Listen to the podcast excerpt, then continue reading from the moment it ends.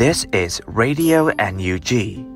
the voice of National Unity Government of Myanmar, broadcasting for Myanmar Spring Revolution. Radio NUG is transmitting from shortwave 16 meter 17.79 megahertz at 8:30 a.m. and 25 meter 11.83 megahertz at 8:30 p.m. Myanmar Standard Time. မင်္ဂလာပါခင်ဗျာ အမျိုးသားညီညွတ်ရေးအစိုးရရဲ့အတန်လွင့်ဌာန Radio NUG ကိုမနက်ပိုင်း၈နာရီခွဲမှာလိုင်းတို16မီတာ7.3 MHz ညပိုင်း၈နာရီခွဲမှာလိုင်းတို25မီတာ17.83 MHz တို့မှာဓာတ်ရိုက်ဖမ်းယူနားဆင်နိုင်ပါပြီမင်္ဂလာအပေါင်းနဲ့ပြည့်စုံကြပါစေအခုချိန်ကစပြီး Radio NUG အစည်းအဝေးကိုဓာတ်ရိုက်အတန်လွှင့်ပေးနေပါပြီ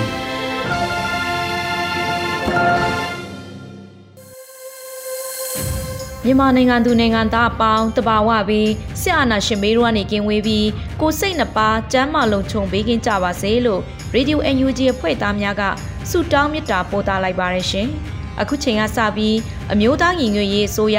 ယာယီသမရဒူဝါလရှိလာကပြောကြားသော84နှစ်မြောက်လွတ်လပ်ရေးနေ့မိန့်ခွန်းကို နားဆင်ကြရမှာဖြစ်ပါရရှင်။ခင်လေးစားရပါသော နိုင်ငံသူနိုင်ငံသားတိုင်းသားပြည်သူပေါင်းတို့ခင်ဗျာပြည်ထောင်စုဓမ္မဒမြန်မာနိုင်ငံတော်ရဲ့84နှစ်မြောက်လွတ်လပ်ရေးနဲ့အခါသမယမှာနိုင်ငံသူနိုင်ငံသားတိုင်းသားပြည်သူများကိုအခုလိုနှုတ်ခွန်းဆက်တာအမှားစကားပြောခွင့်ရတဲ့အတွက်အထူးဂုဏ်ယူကြောင်းပြောလိုပါတယ်တိုင်းတဘာကျွန်းဘဝကလွတ်မြောက်ခဲ့တာအနှစ်80ကျော်ပြီဖြစ်ပေမဲ့ယခုအချိန်မှာ တိုင်းသားပြည်သူအားလုံးစစ်ကြုံဘဝကြာရောက်နေပြီးစစ်နာနာရှင်တို့ရဲ့အချမ်းဖက်ဖိနှိပ်မှုတန်ကို အပြင်းထန်ခံစားနေကြရတာကတော့အားလုံးအတွက်ဝမ်းနည်းစရာဖြစ်ပါတယ်နိုင်ငံဟာအချုပ်အခြာရလွတ်လပ်သောနိုင်ငံတစ်ခုအဖြစ်ရည်တည်ခဲ့ပေမဲ့အချုပ်အခြာအာဏာရဲ့မူလပိုင်ရှင်တွေဖြစ်တဲ့တိုင်းသားပြည်သူလူထုအပေါင်းရဲ့လွတ်လပ်ရေးကတော့ စစ်အာဏာသိမ်းမှုအောက်မှာပျောက်ဆုံးနေစေရုန်းကန်နေရစေဖြစ်ပါတယ်။တချိန်ကလွတ်လပ်ရေးပြည်သူ့ကများရဲ့မျော်ရည်ချက်လွတ်လပ်တဲ့အချုပ်အခြာအာဏာပိုင်နိုင်ငံတည်ဆောက်ရေးနှုံးစံတန်ဖိုးများဟာလွတ်လပ်ရေးချေညာစတန်းမှာထင်ဟပ်နေခဲ့ပါတယ်။ငါတို့နိုင်ငံတော်ကြီးသည်မိသူတူတယောက်တစ်ဖက်တစ်သိန်းအမွေနဲ့မဟုတ် မိသူတူတယောက်တဖိုက်တဲ့င်းဤပုတ်လေးကအပိုင်ပစီမဟုတ်မိသူတူတယောက်တဖိုက်တဲ့င်းကချုပ်ကဲအနိုင်တင်းယူအချိုးခံစားအပ်တော်နိုင်ငံမဟုတ်လို့လွတ်လပ်ရေးချင်းကြစတန်အပိုက်ငါးမှာအတိအလင်းဖော်ပြထားပါတယ်သူ့ပေမဲ့မြန်မာစစ်အုပ်စုဟာလွတ်လပ်ရေးချင်းကြစတန်ပါလွတ်လပ်ရေးရဲ့အနှစ်သာရစံထန်ဖူးများနဲ့ ဖြောင်းဖြောင်းကြီးဆန့်ကျင်ပြီးနိုင်ငံကို၎င်းတို့တဖိုက်တဲ့တင်းရဲ့ပုတ်လိကအပိုင်ပစ္စည်းတစ်ဖွဲချုပ်ကင်အပိုင်တင်းယူအကျိုးခံစားနေကြခြင်းအဖြစ်တိုင်းပြည်ကိုစစ်ကြုံဘဝမှာနှိမွန်းစေခဲ့ပါတယ်။တိုင်းနိုင်ငံအတွင်းမြေတင်းနေချာကြတဲ့အချုပ်အခြာရဲ့မူလပိုင်ရှင်ပြည်သူအပေါင်းရဲ့လွတ်လပ်ခွင့်များဆုံးရှုံးနေသူရဲ့ တိုင်းပြည်လွတ်လပ်ပြီလို့ဆိုနိုင်မယ်မဟုတ်ပါနှစ်ပေါင်း60အတွင်းလေးချိန်တိတိအာနာသိန်းယူဘူကြစိုးမှုခဲ့ခြင်းအပြင်စစ်အုပ်စုဟာသူတို့ရဲ့အချမ်းဖက်ဖက်စစ်တစ်ကိုဖော်ပြခဲ့ပြီးဖြစ်ပါတယ်2020ခုနှစ်ဖေဖော်ဝါရီလတရက်နေ့စစ်အာဏာသိမ်းမှုကတော့တမိုင်းတစ်လျှောက်အယုတ်ဆူအကြီးတန်းဆုံးဖြစ်ပြီးနေ့စဉ်နဲ့အမျှ လူမဆန်တဲ့နေပေါင်းစုံတဲ့ပြည်သူကိုအချမ်းဖက်နှိပ်စက်တပ်ဖြတ်ကစစ်ကြစွမှုများဆက်တိုက်ကျိုးလွတ်နေတယ်ဆိုတာကတော့ပြည်သူများကောနိုင်ငံတကာကပါသိရှိပြီးဖြစ်ပါတယ်အချမ်းဖက်စစ်တပ်ဟာလေတပ်မတော်ဆိုတဲ့အမည်နာမကိုခံယူရန်ထိုက်တန်ခြင်းမရှိတော့ဘဲပြည်သူရန်သူအချမ်းဖက်သမားများအဖြစ်ရောချသက်ဆင်သွားခဲ့ပြီလေဖြစ်ပါတယ် ဒီချိန်မှာတိုင်းသားပြည်သူတွေအနေနဲ့ရွေးချယ်စရာတလန်းပဲရှိပါတယ်ဒါကတော့ပြည်သူအလုံးနှီးမျိုးစုံနဲ့ပါဝင်ဆွနွယ်လက်ရှိတဲ့ပြည်သူခုခံဒေါ်လာညစစ်ကိုဆင်နွယ်ပြီးစစ်အာဏာရှင်စနစ်ကိုအကျွေးမဲ့ဖေရှားပြဖို့ပဲဖြစ်ပါတယ်ဒါဟာဒုတိယလွတ်လပ်ရေးတိုက်ပွဲကိုဆင်နွယ်ခြင်းလဲမြည်ပါတယ်ပြီးခဲ့တဲ့နေ့တဲ့9ရက်က ဒီနေ့မှာငိမ့်ချမ်းရဲ့အတွက်ခြေလန်းတစ်များစမဲ့အကြောင်းတက်ဆိုင်သူအဖွဲ့အစည်းအားလုံးငိမ့်ချမ်းရဲ့အတွက်ဆွေးနွေးနိုင်ဖို့ဖိတ်ခေါ်ကြောင်းအကြံဖက်စစ်ကောင်းဆောင်ကပြောတယ်ဆိုတဲ့သတင်းတစ်ပုဒ်တွေ့ရပါတယ်တကယ်တော့စစ်အာဏာသိမ်းမှုဟာနိုင်ငံရဲ့ငြိမ်းချမ်းရေးမျှော်လင့်ချက်ကိုရိုက်ချူးဖျက်ဆီးပစ်ခဲ့တာပဲဖြစ်ပါတယ်ငြိမ်းချမ်းရေးကိုလည်းဖျက်ဆီးတိုင်းပြည်အနာဂတ်ကိုလည်းဖျက်ဆီးထားတဲ့ စစ်အုပ်စုဟာနိုင်ငံရေးစစ်ရေးနိုင်ငံတကာအရေးအဖက်ဖက်မှအရေးနှိမ့်နေပြီဆိုမှ အခုလိုတွေးဆုံဆွေးနွေးဖို့တည်င်းထုတ်လွန်းတယ်ဆိုတော့နိုင်ငံရေးအတွက်ထွက်ပေါက်ရှာဖို့အချိန်ဆွဲဖို့နိုင်ငံတကာကိုလှည့်ဖျားဖို့တော်လန်ကြီးအင်အားစုများအကြားအာယုံထွေပြားဝေဝါးစေဖို့ရွေချက်ကလွယ်လို့အခြားကြောင့်မရှိပါဘူးထို့တူပဲ စစ်ကောင်စီက2023ခုမှာရုပ်ောက်ပွဲကျင်းပမယ်လို့ပြန်လေဆွဲဆောင်ဖျားယောင်းနေတာဖြစ်ပါတယ်စစ်အုပ်စုကဥဆောင်မဲ့ရုပ်ောက်ပွဲဟာပြည်သူလူထုရဲ့ဆန္ဒကိုထင်ဟပ်စေမှာမဟုတ်သလိုမြတ်တဲ့ရုပ်ောက်ပွဲလေဖြစ်လာမှာမဟုတ်ပါဘူးဘယ်တော့မှမုံမမှန်တဲ့စစ်အုပ်စုကိုယုံစားခြင်းဟာပြည်သူတော်လှန်ရေးခြေလမ်းကို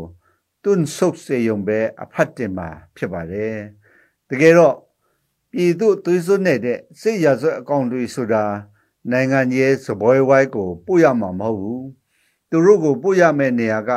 ပြည်သွေးပြပရာဇဝတ်ခုံရုံးများပဲဖြစ်ပါတယ်ခုချိန်မှာအချမ်းဖက်စိတ်ဥဆုရဲ့လက်အောက်ခံဖြစ်နေပေမဲ့စိတ်ဥဆုရဲ့အချမ်းဖက်မှုများကိုဆက်စုပ်တဲ့လူတွေစစ်တပ်ဟာ နိုင်ငံနဲ့ပြည်သူကိုကာကွယ်စောင့်ရှောက်ဖို့မှတပါနိုင်ငံရေးမှာပတ်သက်စရာမလိုဘူးလို့နားလေခံယူတဲ့တတ်မှုတတ်တာများကိုတော့အမျိုးသားညီညွတ်ရေးအစိုးရကအစင်ရင်ဖွင့်ကျူဆိုနေရမှာဖြစ်ပါတယ်အခုဆိုရင်စစ်မှန်တဲ့ Federal နဲ့ Democracy စနစ်ကိုလိုလားတဲ့နိုင်ငံရေးအုပ်စုများစုဆုံရာအမျိုးသားညီညွတ်ရေးအတိုင်းပင်ခံကောင်စီ NUCC အတွင်း ပြည်ထောင်စုမြန်မာနိုင်ငံရဲ့အနာဂတ်နိုင်ငံရဲ့လမ်းပြမြေပုံပါဝင်တဲ့ Federal Democracy ပဒင်းရင်ကိုဆွေးနွေးညှိနှိုင်းသဘောတူပြီးလဲဖြစ်ပါတယ်အမျိုးသားညီညွတ်ရေးအစိုးရအနေနဲ့ဆိုရင်လဲပဒင်းရင်ကိုအလဲအနက်ခံယူကျင့်သုံးရင်နိုင်ငံရေးလမ်းပြမြေပုံအတိုင်းမစွတ်မနစ်ခြေတဲ့အကောင့်ထဲပေါ်သွားရမှာဖြစ်ပါတယ်ခုချိန်မှာ အရေးအကြီးဆုံးကစစ်အာဏာရှင်စနစ်အကျွေးမဲ့ပြတ်သုံးရဲနဲ့ Federal Democracy ပြည်ထောင်စုတည်ထောင်ရေးအခြေခံပေါ်မှာတိုင်းသားလက်နက်ကိုင်တော်လှန်ရေးအဖွဲ့များအပါအဝင်နိုင်ငံရေးအင်အားစုအားလုံးအမျိုးသားညီညွတ်မှုကို အခိုင်အမာတည်ဆောက်ပြီးပြည်သူတော်လှန်ရေးမှာပူးပေါင်းပါဝင်ကြဖို့ပဲဖြစ်ပါတယ်။လွန်ခဲ့တဲ့၁၇လအတွင်းအသက်ပေါင်းများစွာ ဘဝပေါင်းများစွာဆွလွတ်အနစ်နာခံဆင်နွှဲလာခဲ့တဲ့ဒီတော်လှန်ရေးဟာ2022ခုနှစ်အတွင်းအလှည့်အပြောင်းကာလရောက်ရှိပြီးပြည်သူအောင်ပွဲများကိုသစင်တက်ရယူနိုင်လိမ့်မယ်ဆိုတာမြေကြီးလက်ခတ်မလွဲပါဘူး။နေကုံချုပ်အဖြစ်လွတ်လပ်ရေးခြေသာစတမ်းမှာဖော်ပြခဲ့တဲ့ယနေ့မင်္ဂလာအပေါင်းနှင့်ပြည့်စုံသောဤအချိန်မှဆက်၍ငါတို့၏မူလပိုင်ဖြစ်သော လုံးဝလွတ်လပ်ရေးငါတို့ပြန်၍ယူပြီးတိုင်းသားပေါင်းတို့သွေးစည်းညွညွတ်လျက်အခွင့်အရေးအဆင့်တန်းတူညီတဲ့ပြည်ထောင်စုသမ္မတနိုင်ငံတော်ကြီးကိုတည်ထောင်ပြီးလို့အဓိဋ္ဌာန်ပြုချက်အတိုင်းစစ်ကြွဘဝမှာလွတ်မြောက်ပြီးအချုပ်အခြာအာဏာ၏မူလပိုင်ရှင်တိုင်းသားပြည်သူအပေါင်းတို့ရဲ့လွတ်လပ်မှုတန်တူညီမျှမှုတရားမျှတမှုစတဲ့ဖြူစင်တဲ့ဝါဒကို ပြန်လေဆောင်ကျင်းနိုင်သည့်အထိအိုးလေမတုံကျိုးပန်းဆောင်ရွက်ကြပါစို့လို့တိုက်တွန်းနှိုးဆော်လိုက်ပါတယ်အရေးတော်ပုံအောင်ရမည်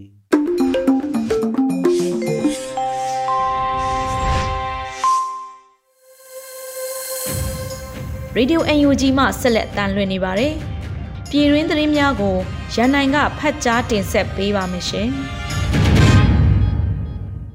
မင်္ဂလာပါခင်ဗျာ။ခုချိန်ကစပြီး Radio UNG ညခင်းသတင်းတွေကိုဖတ်ကြားတင်ပြပေးပါရမယ်ခင်ဗျာ။အခုတင်ပြပေးမယ့်သတင်းတွေကတော့ Radio UNG သတင်းတာဝန်ခံတွေနဲ့ခိုင်လုံတဲ့မိဘသတင်းရင်းမြစ်တွေကအခြေခံထားတာဖြစ်ပါတယ်။ကျွန်တော်ကတော့ရန်နိုင်ပါ။ပြည်တော်စုလွတ်တော်ကိုစားပြုကော်မတီမှ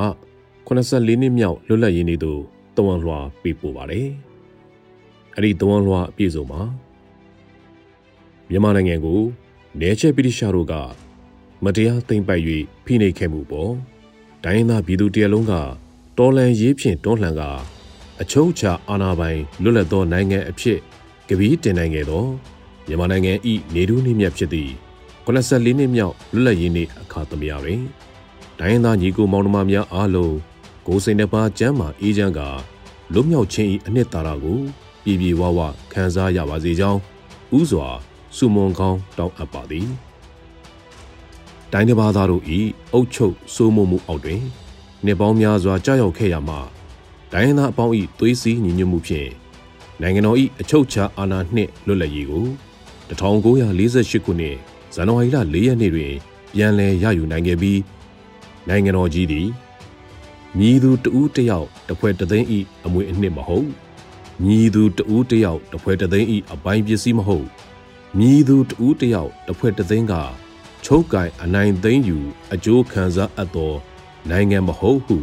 တီတီပပကြေညာခဲ့ပါသည်သို့သောတိုင်းပြည်အနာဂတ်နှင့်နိုင်ငံသူနိုင်ငံသားတို့၏လူနေမှုဘဝအဆင့်တန်းဖွံ့ဖြိုးတိုးတက်ရေးကိုမငယ်ပဲအာနာလောဘနှင့်အတ္တကြီးသောစစ်အာဏာရှင်တို့ကလက်နက်အားကိုဖြင့်အာဏာသိမ်းယူခဲ့ခြင်းကြောင့်နိုင်ငံအတွင်းနေပေါင်းများစွာကြာငြိမ်းချမ်းရေးမရရှိခဲ့ပဲ ဖွံ့ဖြိုးမှုနောက်ကျသောနိုင်ငံတနိုင်ငံအဖြစ်ရောက်ရှိသွားခဲ့ပါသည်လွန်ခဲ့သောဆယ်စုနှစ်များအတွင်းတိုင်းပြည်၏လူမှုစီးပွားဖွံ့ဖြိုးတိုးတက်ရေးနှင့်ငြိမ်းချမ်းသာယာသော Federal Democracy နိုင်ငံတော်သစ်တည်ဆောက်နိုင်ရေးဝိုင်းဝန်းကြိုးပမ်းခဲ့ကြတော့လေတိုင်းရင်းသားပြည်သူများကလွတ်လပ်၍တရားမျှတသောရွေးကောက်ပွဲမှတစဉ်ရွေးကောက်တင်မြှောက်ခဲ့ကြသည်ရည်သူအစိုးရထံမှနိုင်ငံတော်၏အာဏာကိုလက်နက်အားကို၍ မင်းအွန်လိုင်းခေါင်းဆောင်သည့်အကြမ်းဖက်ဖက်စစ်စစ်တပ်မှ2021ခုနှစ်ဖေဖော်ဝါရီလ1ရက်နေ့တွင်ခေတ်သစ်ကိုလိုနီပုံစံအာဓမသိမ်းယူခဲ့ပါသည်အကြမ်းဖက်ဖက်စစ်စစ်တပ်သည်နိုင်ငံ၏ဥပဒေများကို ဖောက်ဖျက်ကျူးလွန်ပြီးအာဏာသိမ်းယူခဲ့သည်သာမကဥပဒေအားလိုသလိုအတိတ်ပဲဖွင့်ဆိုကမမှန်မကန်ဆွဆွဲ၍ဖမ်းဆီးထောင်ချခြင်းဥပဒေမဲ့ဖမ်းဆီးတပ်ဖြတ်ခြင်း ပြည်သူတို့၏အိုးအိမ်နှင့်ပိုင်ဆိုင်မှုများကိုသိမ်းပိုက်ခြင်းခိုးယူခြင်းဖျက်ဆီးခြင်းအမျိုးသမီးများအပေါ်၌လိမ်ပိုင်းဆိုင်ရာအကြမ်းဖက်ခြင်းနိုင်ငံသားတို့၏ခြေခံခွင့်ရေးတို့အားပိတ်ပင်တားဆီးခြင်းစသည့်လူမဆန်သောအကြမ်းဖက်မှုများကိုကျူးလွန်နေခြင်းကြောင့်ဆုံးရှုံးသွားသောလွတ်လပ်ခြင်းငြိမ်းချမ်းခြင်းနှင့်အခွင့်အရေးတို့အတွက်ဒိုင်းသားပြည်သူတရလုံးကကဘာတွင် မကြုံစဘူးညီညွတ်သောပြည်သူဒေါ်လာရေးကြီးတရက်ကိုဆင်နွှဲနေကြသည်မှာလွန်စွာ ဂုံယူလေးစားပွဲဖြစ်ပါသည်လွတ်လပ်ရေးရရှိရန်ကြိုးပမ်းခဲ့စဉ်ကကိုလိုနီနယ်ချဲ့တို့ကမိမျိုးမျိုးဖြင့်သွေးခွဲခဲ့တော်လေအခက်အခဲမျိုးမျိုးကြားမှတိုင်းရင်းသားခေါင်းဆောင်များ၏မဆုံးမနစ်သောဇွဲလုံးလာနှင့်တိုင်းရင်းသားညီကိုမောင်နှမများ၏ညီညွတ်မှုတို့ကြောင့်လွတ်လပ်ရေးရယူနိုင်ခဲ့ပါသည်ယနေ့အချိန်တွင်ဖက်စစ်တို့၏နီလန်တိုင်းအကြမ်းဖက်ဖက်စစ်စစ်တပ်ကဒေါ်လန်ရေးအင်အားစုများအကြားသွေးခွဲခြင်းနှင့် ဒေါ်လန်ရေးအရှိန်ကျသွားစေရန်လောက်ကျန်သတင်းအချက်လက်အမှားများဖြင့်ပုံဖြတ်ခြင်းတို့ကိုစနစ်တကျလှုပ်ဆောင်နေခြင်းကြောင့်ဒေါ်လာရင်းအင်အားစုများနှင့်ပြည်သူတရလုံးကအမျောမြင်ကြီးစွာဖြင့်အထူးသတိထားရှောင်ရှားရန်လိုအပ်ပါသည်မိမိတို့ရည်မှန်းထားသည့်တိုင်းပြည်နှင့်လူမျိုးအနာဂတ်အတွက်ငြိမ်းချမ်းသာယာပြီးဒန်းတူအခွင့်အရေးများနှင့်အခြေခံနိုင်ငံသားအခွင့်အရေးများအတွက်အာမခံချက်အပြည့်အဝရှိသော Federal Democracy နိုင်ငံတော်ကြီးတည်ဆောက်နိုင်ရန် မြန်မာနိုင်ငံ၌စစ်အာဏာရှင်များကွဲပြောက်သွားရန်အထူးအရေးကြီးပြီးဒိုင်းသားပြည်သူတရလုံးကငွေဦးတော်လန်ရေးအောင်မြင်သည့်အထိယခုကဲ့သို့စီလုံးညီညွတ်စွာဆက်လက်ကြိုးပမ်းသွားရန်ထပ်မံတိုက်တွန်းအပ်ပါသည်ခေတ်ဆက်ဆက်တည်ရှိနေသောစစ်အာဏာရှင်စနစ်ဆိုးကိုမြမမြေပေါ်မှကျူးဝင်းခုတ်ကျူးငုံမကြမ်းအောင်အမြင့်ဖြတ်ချေမုံက Federal Democracy နိုင်ငံတော်ကြီးတည်ဆောက်ရေးတွင် ပြည်ထောင်စုလွှတ်တော်ကိုစားပြုကော်မတီအနေဖြင့်ကိုစွမ်းညံစွမ်းရှိသဖြင့်မဆုတ်မနစ်ကြိုးပမ်းဆောင်ရွက်သွားမည်ဖြစ်ပြီးရည်သူထံမှဆင်းသက်လာသည့်အချုပ်ချာအာဏာကိုရည်သူတို့ထံသို့ပြန်လည်အနှင့်နိုင်ရေးဆက်လက်ကြိုးပမ်းဆောင်ရွက်သွားမည်ဖြစ်ကြောင်းလေးနက်ခိုင်မာစွာဂရုသစ္စာပြုရင်ဤလွတ်လပ်ရေးနှင့်တွန်းလွှာကို ပေးပို့အပ်ပါသည်ပြည်တော်စုလွတ်တော်ကိုစားပြုကော်မတီ ထရခိုင်ဒွယ်လိုမြို့နယ်လေတူဘိုးကိုအာနာသိန်းစစ်ကောင်စီကလေရင်နဲ့ဘုံကျဲတိုက်ခိုက်တဲ့တဲ့ရင်ကိုတင်ဆက်ပေးပါောင်းမယ်။ဇန်နဝါရီလ၄ရက်နေ့မနက်တနာရီအချိန်က KNU ကရင်မျိုးသားအစည်းအရုံးတပ်မဟာကဘူထရခိုင်ဒွယ်လိုမြို့နယ်ရှိလေတူဘိုးအားစစ်ကောင်စီမှလေရင်ပြန်နဲ့လာရောက်ပြီးဘုံသုံးလုံးကျဲချခဲ့တယ်လို့ KNU ဗဟိုကသတင်းထုတ်ပြန်ခဲ့ပါတယ်။အာနာသိန်းစစ်ကောင်စီကအခုလိုလေရင်ပြန်နဲ့လာရောက်ပြီးဘုံကျဲချမှုကြောင့်လေထူဘိုးရှိစီးဘေးကန်အဆောင်မှန်တကားထိခိုက်ပျက်စီးခဲ့ပြီး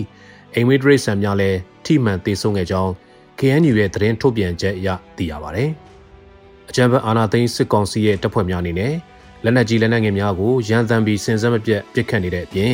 အခုလိုလေရင်နဲ့ဘုံကျဲပစ်ခတ်မှုများအချိန်မီ၍ပြုလုပ်လာနေတာကြောင့်ကော့ဂရိတ်မှမြောက်ပြည်သို့သွာလာနေတဲ့မိဘပြည်သူလူထုများနဲ့အဲ့ဒီနေရာနီးတွိုင်းမှာနေထိုင်တဲ့မိဘပြည်သူများအနေနဲ့သတိဝရိယထားပြီးသွာလာနေထိုင်ကြရန် KNU ဗဟိုမှဒီဇင်ဘာလ31ရက်နေ့ရက်စွဲဖြင့်ပြည်သူတို့အတိပေးပန်ကြားထားပါတယ်ခင်ဗျာပင်းရမြို့နယ်ပရဟိတသမားအပါဝင်ပြည်သူ6ဦးကိုစစ်ကောင်စီကဖမ်းဆီးသွားတဲ့တဲ့ရင်ကိုလည်းတင်ဆက်ပေးပါောင်းမယ်ရှမ်းပြည်တောင်ပိုင်းပင်းတရမြို့နယ်ထဲမှာပရဟိတသမား2ဦးအမျိုးသမီး2ဦးပါဝင်ပြည်သူ6ဦးကိုအာဏာသိမ်းစစ်ကောင်စီကအကြောင်းမဲ့ဖမ်းဆီးခေါ်ဆောင်သွားတယ်လို့သိရပါတယ်။ပြီးခဲ့တဲ့ဒီဇင်ဘာလ30ရက်ညသကောင်ရဲ့အချိန်မှာ ပင်းတရမြို့နယ်ရွှေပရိုးရက်ကွက်ရှိနေတိန်ကို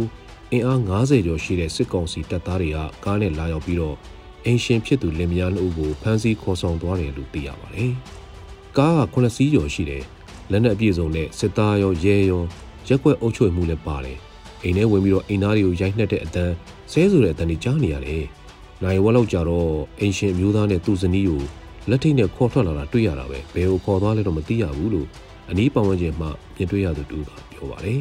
။အလားတူပဲဒီဇင်ဘာလ30နေ့မှာလည်းပင်းတရားမြို့နယ်မှပရိုက်တာသမားလူငယ်တဦးနဲ့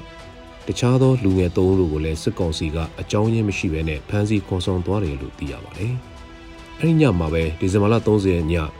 အဲ့ဒီမှာပေါ့နော်လူငယ်၄ဦးဖမ်းခံရတယ်အဲအဲ့ဒီ၄ယောက်မှာဒေသခံလူငယ်တွေနဲ့ပေါင်းပြီးတော့ကျူစင်တာတွေကိုဗစ်ဖြစ်တဲ့ရွာတွေကိုလိုက်လူပေးနေတယ်သူတို့ကိုဘယ်ကိုခေါ်သွားလဲဆိုတော့အခုထိမသိရသေးဘူး ဖုန်းတွေလည်းပါသွားတော့သူတို့နဲ့နှီးသက်တဲ့လူတွေကိုလည်းရှောင်တိုင်းစေခြင်းတယ်လို့အဖြစ်စဉ်ကိုသိရှိသူအမျိုးသားကပြောပါတယ်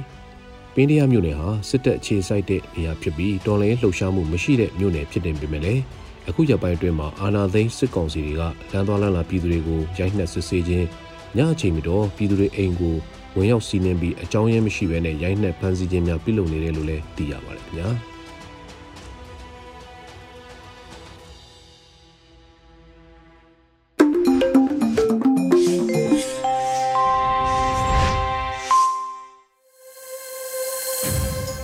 ဆက်လက်နားဆင်ရမှာကတော့အတိတ်သမိုင်းကိုပြန်လည်သုံးသပ်နိုင်ဖို့အမိယမုံမခသတိမြင့်ကွင်းကိုຫນွေဦးမိုးကဖတ်ကြားတင်ဆက်ထားပါတယ်ရှင်။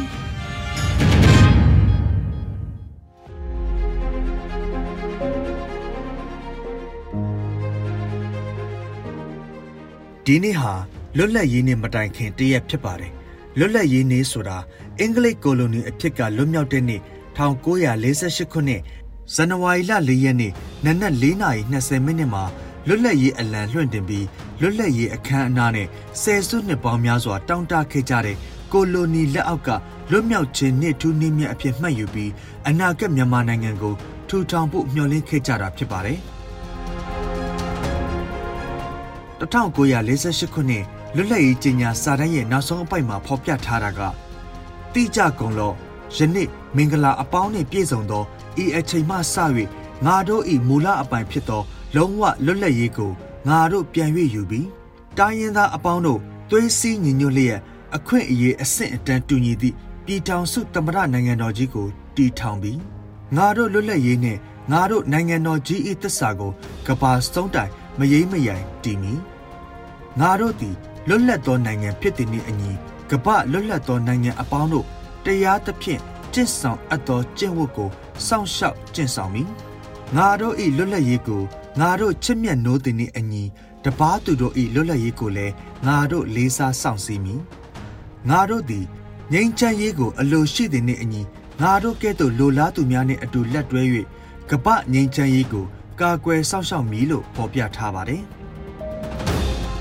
ဤစာသားတွေကိုမြန်မာစာပေနယ်ကထင်ရှားတဲ့ပညာရှင်တွေဖြစ်တဲ့ဆရာဇော်ကြီး ဆရာမင်းတုဝံဆရာဇေယဆရာတက်တိုးနဲ့ဆရာတင့်တယ်တို့စုပေါင်းရေးသားခဲ့ကြတယ်လို့မှတ်တမ်းမှတ်ရာများမှာဖော်ပြထားပါတယ်။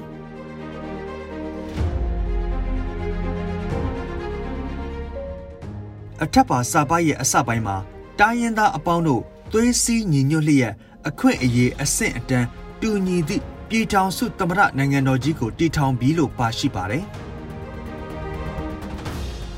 မြန်မာနိုင်ငံရဲ့လွတ်လပ်ရေးဟာလွတ်လပ်ရေးကြီးညာစာတမ်းမှာပါသလိုမျှော်လင့်ထားတဲ့ကဲ့သို့အနာဂတ်ခရီးလမ်းကမပြောင်းဖြုတ်ခဲ့ဘူးလို့ဆိုရမယ်ထင်ပါတယ်။တိုင်းရင်းသားအပေါင်းတို့သွေးစည်းညီညွတ်လျက်အခွင့်အရေးအဆင့်အတန်းတူညီသည့်ဆိုပြီးဖော်ပြထားပေမဲ့မြမလွတ်လပ်ရေးခရီးအစမှာပဲတိုင်းရင်းသားလူမျိုးစုကြီးတစုဖြစ်တဲ့ကရင်လူမျိုးတွေနဲ့နိုင်ငံရေးအရာပဏိပခဖြစ်ပြီးပြည်တွင်းစစ်ကနောက်တစ်နှစ်အကြာမှာဖြစ်ပွားခဲ့ပါတယ်။ကရင်လူမျိုးတွေနဲ့ နိုင်ငံရေးပဏိပခစစ်ရေးပဏိပခမဖြစ်မီနိုင်ငံရေးအယူဝါဒကွဲပြားတဲ့လက်ဝဲဝါဒယုံကြည်တဲ့အင်အားစုတွေဖြစ်တဲ့ဗမာပြည်ကွန်မြူနစ်ပါတီနဲ့ဖာစာပါလာအကြားပြဿနာတွေကနေအဲ့ဒီလွတ်လပ်ရေးရပြီးနှစ်လကျော်သုံးလနီးပါးအတွင်းတောခိုခဲ့ကြတဲ့အဖြစ်အပျက်တွေဖြစ်ပွားခဲ့ပါတယ်ဒီနေ့တည်ရှိနေကြတဲ့တိုင်းရင်းသားလက်နက်ကိုင်အင်အားစုတွေထဲကတစုဖြစ်တဲ့ KNU အဖွဲ့ဟာလွတ်လပ်ရေးရပြီးနောက်နှစ်မှာပေါ်ထွက်လာခဲ့ကအဲ့ဒီနှစ်မှာပဲ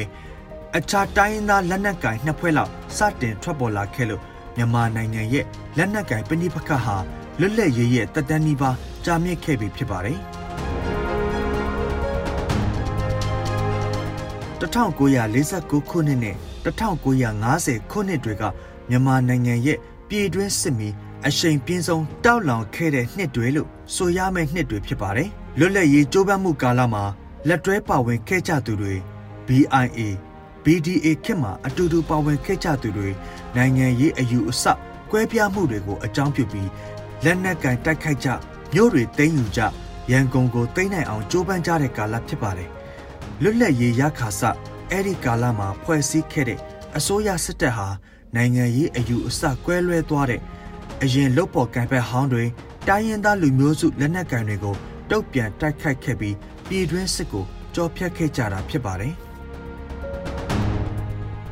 ဒီသမိုင်းတွေဒီအချက်အလက်တွေဘာကြောင့်ပြန်ရေးပြနေရတယ်လဲဆိုရင်လက်ရှိမြန်မာနိုင်ငံရောက်နေတဲ့အခြေအနေဟာလွန်ခဲ့တဲ့နှစ်80ကျော်ကရရှိခဲ့တဲ့လွတ်လပ်ရေးအရသာကိုကောင်းစွာခံစားခဲ့ရတဲ့အခြေအနေမျိုးမဟုတ်သလိုတာတူညီမျှ ဒန်းတူအခွင့်အရေးရတဲ့နိုင်ငံတော်လည်းမဟုတ်သေးပဲပြည်တွင်းစစ်နွန်ထဲကနှစ်ပေါင်း80ကျော်အတွင်းလွတ်မြောက်အောင်ရုံးမထွက်နိုင်ခဲ့ကြရုံမျှမက အခုတဖန်ပြည်တွင်းစစ်နွန်ထဲပုံမနဲ့ဆိုင်စွာ ပြန်လျှောဆင်းနေတဲ့အခြေအနေဖြစ်လို့လွတ်လပ်ရေးအခါသမယမှာအတိတ်သမိုင်းကိုပြန်သုံးသပ်နိုင်ဖို့ရည်ရွယ်တာဖြစ်ပါတယ်မြန်မာနိုင်ငံရဲ့လွတ်လပ်ရေးရပြီးခါစပြည်တွင်းစစ်အစပိုင်းကာလမှာ ကိုလိုနီခေတ်လွတ်လပ်ရေးကြိုးပမ်းမှုမှာခေါင်းဆောင်ခဲ့ကြတဲ့ဖာစာပလအဖွဲ့ကြီးတဲ့ကနိုင်ငံရေးခေါင်းဆောင်တွေကနိုင်ငံကိုစီမံခန့်ခွဲနိုင်ခဲ့ပေမဲ့လည်းပြည်တွင်းစစ်ကနှစ်နှစ်ချီတက်တန်းရှည်ကြလာတဲ့နှစ်အမျှစစ်တပ်ထဲကခေါင်းဆောင်တွေရဲ့အမြင်မှာနိုင်ငံရေးသမားတွေအတွက်သူတို့ကအလုတ်အကျွေးပြုတ်နေရတဲ့သဘောမျိုးနိုင်ငံရေးအာဏာကိုသူတို့ကိုယ်တိုင်စီမံခန့်ခွဲနိုင်တယ်ဆိုတဲ့အမြင်တွေပုံမကြီးစိုးလာပြီးဖာစာပါလာထဲက နိုင်ငံရေးသမားတွေအုပ်စုအကွဲ1958မှာစစ်တပ်ကအာဏာသိမ်းပြီးအုပ်ချုပ်မဲ့လမ်းကြောင်းအစပြုခဲ့တာဖြစ်ပါတယ်1958ခုနှစ်ဟာအိမ်ဆောက်အစိုးရကိုဖာစာပါလာခေါင်းဆောင်ဦးနုကလွတ်တော်မှာအာဏာလွှဲအပ်ခဲ့တယ်ဆိုပေမဲ့တကယ်နောက်ွယ်ကဖြစ်ရကနိုင်ငံရေးခေါင်းဆောင်တွေအကွဲမှာတက်ကအာဏာသိမ်းမဲ့အန်ရီကိုအဆိုပါအိမ်ဆောက်အစိုးရဆိုတာဖွဲ့စည်းပြီးရှောင်လွှဲခဲ့ကြတာဖြစ်ပါတယ်။ နောက်တစ်ဖန်1960ရွေးကောက်ပွဲလှုပ်ဆောင်အပြီးတက်လာတဲ့တန်ရှင်းပါထဆအစိုးရကို1962ခုနှစ်မှာအာဏာသိမ်းတဲ့ဖြစ်ရအပြီးမြန်မာနိုင်ငံဟာနှစ်20 30အကြာတစ်ကြိမ်စစ်အာဏာသိမ်းမှုဖြစ်တဲ့အစိုးတန်တရားထဲကြာဆင်းခဲ့ရတာဖြစ်ပါတယ်ဒီသမိုင်းကိုလေ့လာသင်ခန်းစာယူစရာအချက်တွေကတော့ နိုင်ငံရေးသမားတွေနိုင်ငံရေးပါတီအဖွဲ့အစည်းတွေအကြားသဘောထားကွဲလွဲမှုရှိကြမှာအယူဝါဒမတူညီကြမှာတဘာဝပဲမဲ့ဒီမိုကရေစီစနစ်ကိုထိန်းချုပ်မဲ့နိုင်ငံရေးအာဏာကိုချုပ်ကင်အသုံးချမဲ့စစ်တပ်ကိုနိုင်ငံရေးနယ်ပယ်ထဲ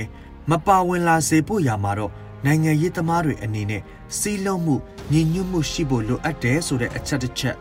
တိုင်းရင်းသားလူမျိုးစုတွေရဲ့ဒန်းတူအခွင့်အရေးကိုပိုင်ပြဋ္ဌာန်းခွင့်ဆိုတာကိုနိုင်ငံရေးသမားတွေ ပါတီတွေအနေနဲ့နှုတ်နဲ့တယ်မဟုတ်ပဲလက်တွေ့မှာပါလက်ခံနိုင်ဖို့အရေးကြီးတယ်လို့မြင်ပါတယ်။အဲလိုမဟုတ်ခဲ့ရင်တိုင်းရင်းသားအရေးလူမျိုးစုလွတ်မြောက်ရေးလှုပ်ရှားမှုကလွတ်လပ်ရေးရတဲ့စီကနေခုချိန်အထိဆယ်စုနှစ်တက်တန်းရှိကြာရှိခဲ့တယ်လို့ပဲနောက်ဆယ်စုနှစ်တွေလည်းရှိနေအောင်မယ်ဆိုတာကိုသဘောပေါက်ဖို့လိုအပ်ပါလိမ့်မယ်။လက်တလောလက်နက်ကင်တိုက်ပွဲတွေပဏိပခတွေဟာ အတိတ်ကသမိုင်းကြောင်းတွေမှာအခြေပြုခဲ့တယ်ဆိုတာမမေ့ဖို့အလွန်အရေးကြီးပါတယ်။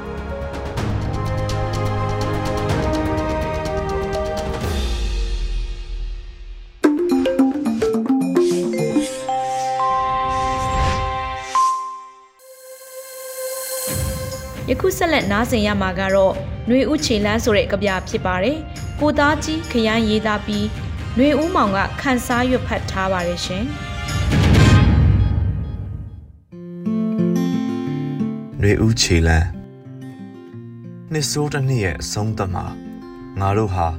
တေကွဲတွေရှင်ကွဲတွေနဲ့ကြေကွဲခဲ့ရပြီးပြီပဲကပ်ဘေးတွေအကြောင်းငိုချင်းရှည်တွေမချလို့တော့ပြီကိုနိုင်ယာကိုထမ်းလို့ငါတို့ရှေ့ဆက်ကြမယ်ငါတို့ခြေလန်းတွေစိတ်ချင်လဲစိတ်မယ်ကျဲချင်လဲကျဲမှာပေါ့ငါတို့ညီနေဖို့သာအဓိကမဟုတ်လား Federal Democracy New Year နှစ်သက်ကိုကြိုရင်ဖက်စစ်ကိုဖြိုမယ်တဲ့တကြော့ပြန်ဒီຫນွေဥမှာငါတို့မုတ်ဆိုးဖြစ်အလှဲ့နော်မင်းတို့စိုက်ခဲ့သမျှဟာအသီးအပွင့်တွေစုံနေပြီဖို့ရိတ်သိမ်းဖို့ရာအသင့်ပြင်ထားကြပြီတော့